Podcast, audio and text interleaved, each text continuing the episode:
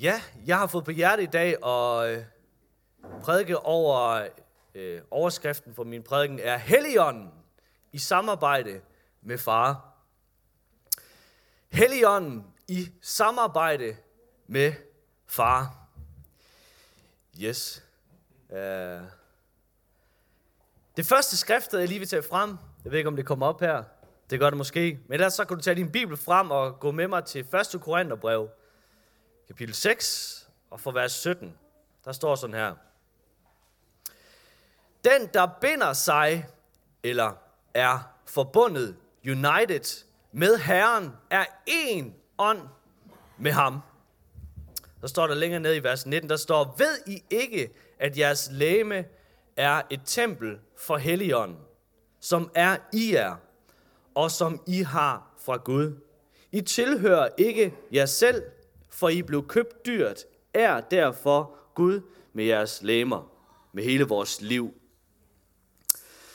Guds ånd, Helligånden, er vores helt personlige vejleder. Han er vores hjælper, han er vores styrke, han er vores trøst. Listen er lang, men uden Helligånden, så formår vi ikke at, øh, at vandre og behage Gud. Øh, ja, Helligånden er faktisk ressourcen. Han er selveste kilden til liv. Øh, og Jesus giver et rigtig godt billede på det her, når vi læser om den samaritanske kvinde ved brønden. Læser vi i Johannes kapitel 4, øh, for vers 10 af. Der står der, at kvinden kommer til ham, og, og hun, er, hun er tørstig. Og så siger han så, hvis du vidste, hvem det er, at du beder om det, hvis du kendte Guds gave, siger han, så vil du bede mig om noget at drikke. Og så siger han, for jeg kan give dig levende vand.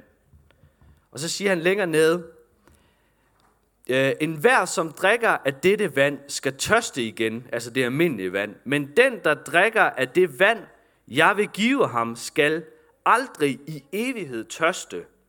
Det vand, jeg vil give ham, skal i ham blive en kilde, som vælger med vand til evigt liv. Der er en ressource her, at Jesus han taler om. Og senere hen i kapitlet, der læser vi, at faderen søger hvad? Sande tilbedere. Der tilbeder faderen med hovedet. Nej, ikke altid med forstanden, men i ånd og sandhed. Der er en dimension i vores kristne vandring, at vi, ikke, vi, vi kan ikke, hvis ikke vi har Helligånden. Vi kan simpelthen ikke. Det er umuligt for os. Opgaven er for stor. Det er for svært at så kunne gøre det i egen kraft og styrke. Derfor må vi have Helligånden. Hvordan får man Helligånden? Jeg vil stille tre spørgsmål i dag ud fra min prædiken. Det første det er, hvordan får man Helligånden? Hvordan skal vi vandre i Helligånden? Og hvordan øh, er mit samarbejde med Helligånden? Så de tre øh, spørgsmål kommer ind øh, på i dag. Når man prædiker omkring Helligånden, det er jo et kæmpe emne. Man kan jo tage alt muligt frem, men det er lige de tre spørgsmål, som jeg vil komme ind på i dag. Så hvornår, eller hvordan får man Helligånden, er det første spørgsmål. Det er meget relevant for alle mennesker. Det er jo det, der er hele, hvorfor vi står her, som Johannes også sagde i dag, fordi det, er, det handler om evangeliet. Men hvis vi læser evangelierne, der er jo fire evangelier, så læser vi omkring det fuldbragte værk. Vi læser, hvordan at Jesus, han led, han gik smertens vej for at bære hele verdens synd på sig. Han gik hele den lange vej, han blev korsfæstet. Der navlede han alle vores øh, synder på sig. Han tog det hele på sig. Hele skylden blev lagt på ham. Han overvandt over døden ved at genopstå fra de døde tre dage efter. Og så siger han til sidst, at han siger, vent til, at I får kundskab om Gud. Det sagde han ikke. Han sagde, vent til I får Helligånden. Guds ånd er det næste dimension. Fundamentet er lagt. Det fuldbragte værk, det er gjort. It's settled. Det er en deal, der er fuldendt. Vi læser i, videre i uh, Apostlenes Gerninger. Først så læser vi i kapitel 1, hvordan at Jesus siger, at I skal få kraft, når Helligånden kommer over jer. Så der er helt det her med at få kraft, få styrken, det ligger i Helligånden. Vi skal få kraft, når Helligånden kommer over os til at være vidner for ham. Og så læ- senere hen, så læser vi, det er jo interessant at så se, hvordan for eksempel Peters liv, hvordan at han før fornægter Jesus. Det var faktisk før, at han var døbt med Helligånden. Jesus havde givet sine disciple autoritet til at uddrive øh, og helbrede og gøre alle de her ting. Så de var iklædt Helligånden, men de var ikke døbt med Helligånden. Fordi det var endnu ikke fuldført, så det var muligt at blive døbt med Helligånden, at Helligånden bor i en. Og så er det interessant at se, hvordan at efter at Peter var blevet fyldt med Helligånden, var blevet døbt med Helligånden, Helligånden boede i ham, hvor frimodig han stod op på pinsedag. Det var jo helt vildt. Først har han fornægtet ham. Hvad i verden er forskellen? Øh, hvis man var neutral og havde kigget på Peters liv, så havde man nok tænkt, what man, den der mand har jo lige stået og fornægtet ham. Nu står han op her foran os, os alle sammen. Fyldt med frimodighed stod der. Og han forkyndte, I som har korsfæstet Jesus Kristus. Ja, han, han, det er jo ikke øh, noget, der bare lige kilder ørerne på dem. Men det er godt nok et budskab, hvor han siger, hey, evangeliet om Jesus Kristus, det er fuldbragt. Det navler han, øh, det der budskab. Og så læser vi senere hen i, øh, i vers 37. Da de hørte det, hvad var det, de hørte? Evangeliet. Det fuldbragte værk hørte de. Så stak det dem i hjertet. Og de spurgte Peter og de andre apostle, hvad skal vi gøre, brødre? Omvend jer og lad alle døbe i Jesu Kristi navn til jeres sønders forladelse. Omvend jer, lad jer døbe, så skal I få Helligånden som gave. Når vi læser videre, så ser vi, hvordan at Peter kom til øh, hedningernes hus, hvor det var, at Peter så ånden falde over de her hedninger, hvor de først blev døbt med Helligånden. Og så siger han så, hvad hindrer da de her folk i at blive døbt i vand? Og det gjorde de med det samme. Så det er ikke fordi, at man skal først hvad hedder det, blive døbt i vand, og så blive, blive døbt med helligånden før. Det er lige meget hvilken rækkefølge. Men starting point, det er omvendelse og tro på det fuldbragte værk. Det er altid og vil altid være starting point. Og hvis ikke du har modtaget den fulde pakke, hvis ikke du er døbt i vand, hvad venter du på? Begrav af det gamle liv. Det gamle liv øh, skal begraves, og vi genopstår med Kristus i dåben til et nyt liv, som Paulus så senere hen tager udgangspunkt i. Det er vores fundament. Hvordan får man Helligånden? Ved at respondere på evangeliet. Ved at respondere på det fuldbragte værk. Jeg siger det hver eneste gang, jeg prædiker det her. Men hvorfor? Fordi det er det centrale. Hvis vores fundament ikke er lagt fra starten af, så bygger vi forgæves. Fundamentet er det fuldbragte værk, og hvordan vi modtager det. Derud, derfra kan vi opleve at leve et sejrende liv. Ikke at det bare bliver lutter lavkage, men hjælpen er indplantet i os lige pludselig, når vi har responderet. Helligånden tager bolig i os. Fantastisk. Der står også der, som jeg, som jeg læste til at starte med, vi er en ånd med Gud nu. Det er ligesom det, der connecter os med Gud, det er hans ånd. Jesus, han er her ikke mere. Han er i himlen. Gud Fader er også i himlen. Men ånden, Guds ånd er her på jorden i dag. Og vi ser, hvordan at det var tydeligt, at Helligånden gjorde det, som Jesus sagde, at det var Helligåndens opgave, talsmandens opgave, det var at overbevise hvad? Verden om synd, dom og retfærdighed. Så når Helligånden kom over de her, der hørte Peter prædike, det stak dem i hjertet.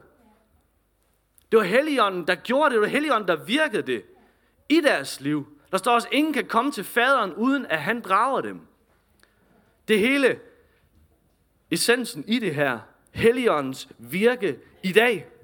Og han virker i dag. Han virker lige nu og lige her. Det kan være, at du allerede kan mærke det i dit hjerte. Begynder at skære lidt i dit hjerte. Jeg vil sige sådan, når Helligånden kommer, det er så fantastisk. Når Helligånden kommer, så kommer han ikke og fordømmer dig. Øh, men han kommer og overbeviser dig om synd. Han overbeviser dig. Han kommer ikke og, og siger, at alt håb er ude. Han kommer og overbeviser os. Og det er fantastisk. Og det skal vi lære at respondere på i hver en situation. Så, hvordan skal vi så vandre i ånden? Når det er, at vi bliver født på ny og har responderet på evangeliet, så lægger Gud en længsel i os til at adlyde ham. Han siger også sådan, at hans lov bliver skrevet på vores hjerter. Der, der bliver simpelthen lagt en længsel i os til at, til at vandre efter hans hjerte. Det, som er på hans hjerte, kommer lige pludselig også på vores hjerte. Og jeg glemmer aldrig, det, det, det, det var noget af det, som jeg synes var, var meget specielt, da det var, at jeg kom til tro her nu her for 14 år siden. Så lige pludselig, så havde jeg sådan en kærlighed til andre mennesker. Jeg tænkte, det var da mærkeligt. Det er ikke, jeg har ikke følt den sådan før. Men lige pludselig, så var den der. Og jeg kunne simpelthen ikke lade være med at så fortælle mennesker om ham. Fordi at han har givet mig del i hans hjerte. Det var ikke noget, at jeg tænkte over. Men det var noget, Gud han gjorde ved hvad? Ved hans ånd. Så han lægger en længsel i vores hjerter til at behage ham. Men der er lige lille men det er, hver eneste dag, så er der noget, vi skal gøre. Og det er noget, der ikke er behageligt. Fordi hver eneste dag skal vi tage et valg. Vi skal tage et valg hver eneste dag og sige, far, din vilje sker i dag, og ikke min vilje. Lev et liv, der er overgivet til ham. Der står flere steder, I skal aflægge det gamle, og det har vi gjort ved dåben en gang for alle. Yes, men vi skal aflægge det gamle og vi skal vandre nu i ånden og ikke i kødet. Og det går vi sammen ind i skriften og skal få understreget her. Jesus siger det sådan her, lige da han er i Gesene med have. Han siger, ånden er reddet, men kødet er skrøbeligt. Og det så vi i disciplene, de faldt bare i søvn. Og det kender jeg godt, det der, at man er, man er, man er skrøbelig, så det er egentlig godt nok. For ellers afhænger det jo af mig. Men ånden er reddet, Helligånden er altid parat i dit liv. Han er altid parat til at bruge dig som et redskab i hans hånd. Lige meget hvor du er, lige meget hvilken situation. Spørgsmålet er bare, om du er, om du er klar. Om du hver eneste dag, jeg prøver, jeg øver, men jeg gør mit bedste til at, fordi det er noget, jeg kan gøre. Jeg kan tage min vilje og sige, Jesus, her er jeg. Brug mig i dag. Whatever der kommer. Og så kommer der udfordringer. Så kommer der at man skal sige til ens kunder, hey, kom med i kirke på søndag. Og så kommer de. Fantastisk. Det er, når det er, Helligånden prikker til en og lægger ting til rette for os at vandre i. Tror I på det? Forudberedte gerninger. Men det kræver et valg. Lad os læse videre Romerbrevet kapitel 6 på vers 11. Lige før har vi lige læst, at vi i dåben har, er begravet med Kristus og opstået med ham igen. Så læser vi videre, og Paulus siger sådan her, sådan skal også I se på jer selv. I er døde for synden, men levende for Gud i Kristus Jesus. Lad derfor ikke synden herske i jeres læmer, så I adlyder des lyster. Stil, stil heller ikke jeres læmer til rådighed for synden som redskaber for uretfærdighed, men stil jer til rådighed for Gud som levende, der før var døde. Så I bruger jeres læmer for, at, øh, for Gud som redskaber for retfærdighed. Sønnen skal ikke være herre over jer, for I er ikke under loven, men under nåden. Amen. Der er det her, stil jer selv til rådighed. Jeg er ikke noget specielt. Jeg er virkelig ikke noget specielt. Og hvis man er gift med mig, så kender man også de skæve sider. Men ved du hvad? Jeg vil faktisk være nogle gange stolt af det, på den måde, og sige, jeg, jeg kender, jeg kender de spillekort, jeg i mig selv har. Det kender jeg godt. Og jeg kender ikke.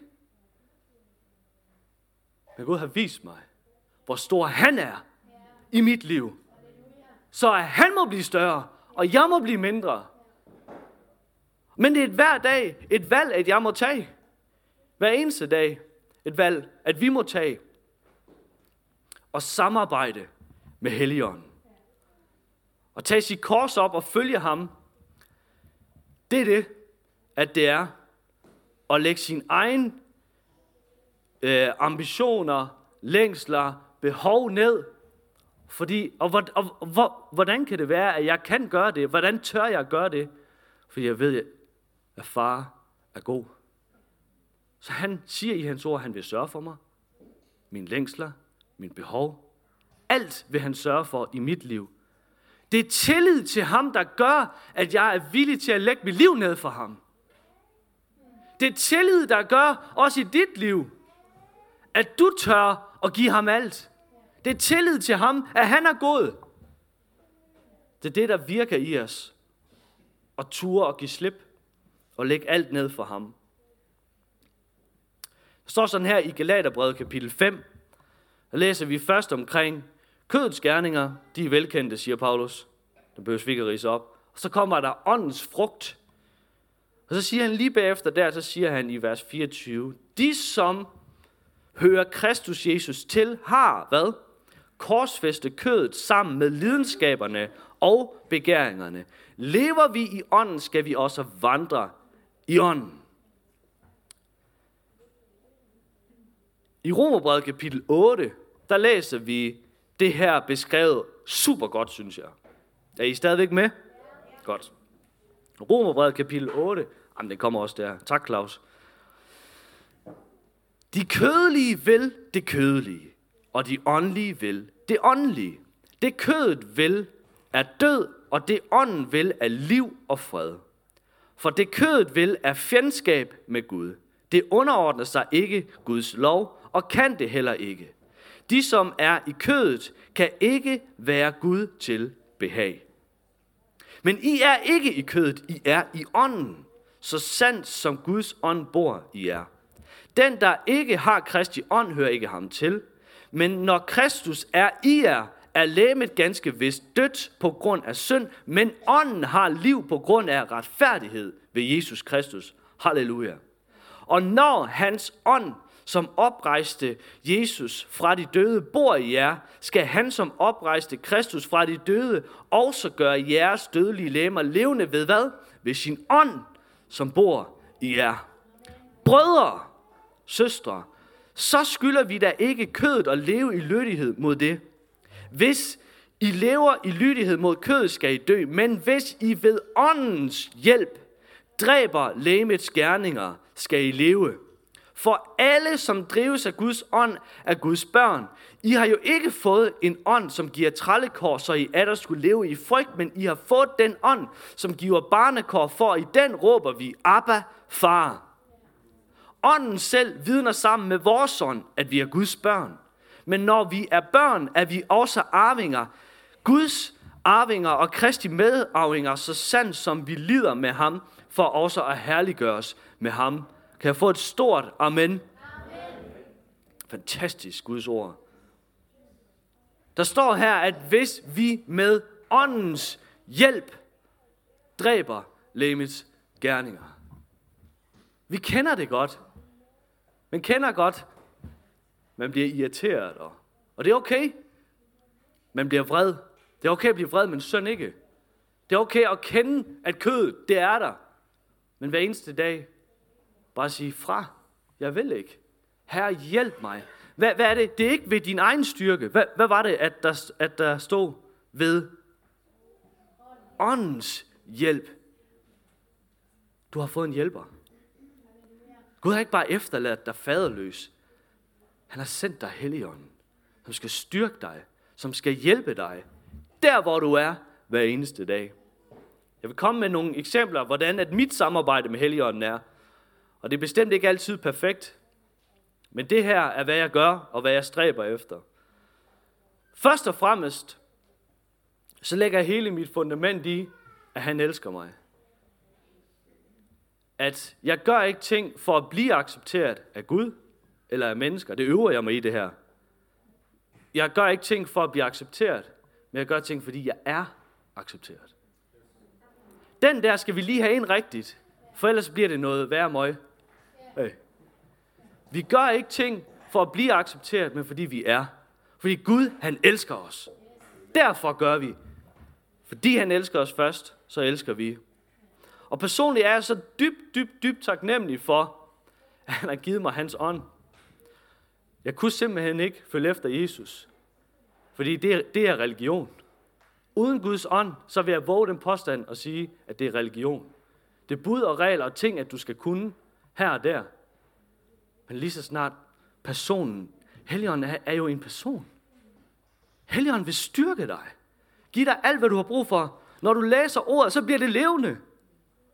Så er det ikke bare nogen tør bog, men så bliver det til liv. Og jeg er så taknemmelig for, at Gud han er tålmodig med mig. Han er det også med dig. Så når jeg fejler, så Helligånden, han er mild. Han bliver ved med at prikke til, min, til mit hjerte. Indtil, at jeg giver ham ret. Nogen, der kender det. Indtil, at man giver ham ret. For det er noget, det er også kødet. Det er stolthed i os. Nej, det er ikke helt rigtigt. Eller, ah, sådan og sådan og sådan. Ah, men du, de gjorde også. Så begynder man at pege fingre og ser, at tre fingre, de peger en mod en selv. Men jeg er så taknemmelig for, at Gud han er tålmodig med mig. Indtil, at jeg indrømmer og bekender min søn og får rettet op på min fejl. Det hjælper han mig til.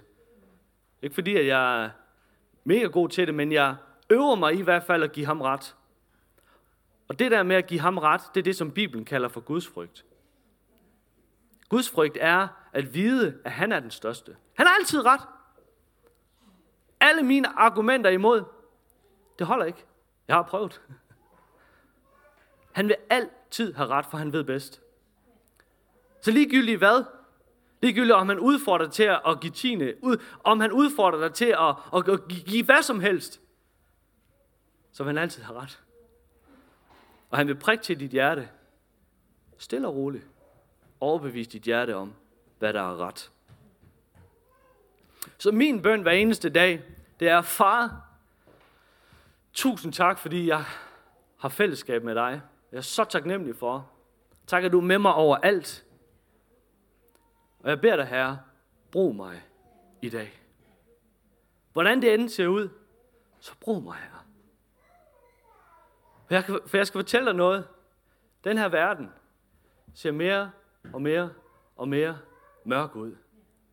Og hvis ikke vi rejser os og viser vej og peger hen på ham, som er verdens håb, hvem skal så? Gud han har kaldet kirken til at være lys og salt i den her tid. Han har kaldet dig til at gøre en forskel på dit arbejdsplads. Han har kaldet dig til at gøre en forskel. Men ikke for, at du skal prøve at blive accepteret af Gud eller mennesker, men fordi han først og fremmest har accepteret dig. Og det gør noget ved dig. Så det er, at du kan blive brugt som et redskab i hans hånd. Ikke for, at du kan blive brugt, og du kan få en stor tjeneste og alle de her ting. Men Gud han bruger dig lige præcis, hvor du er. Om du så har en stor tjeneste, så bruger han dig også. Jeg vil lige dele lidt øh, personlige historier. Og så, øh, yes, du må gerne komme øh, op og begynde at spille. Kom bare begge to op, så.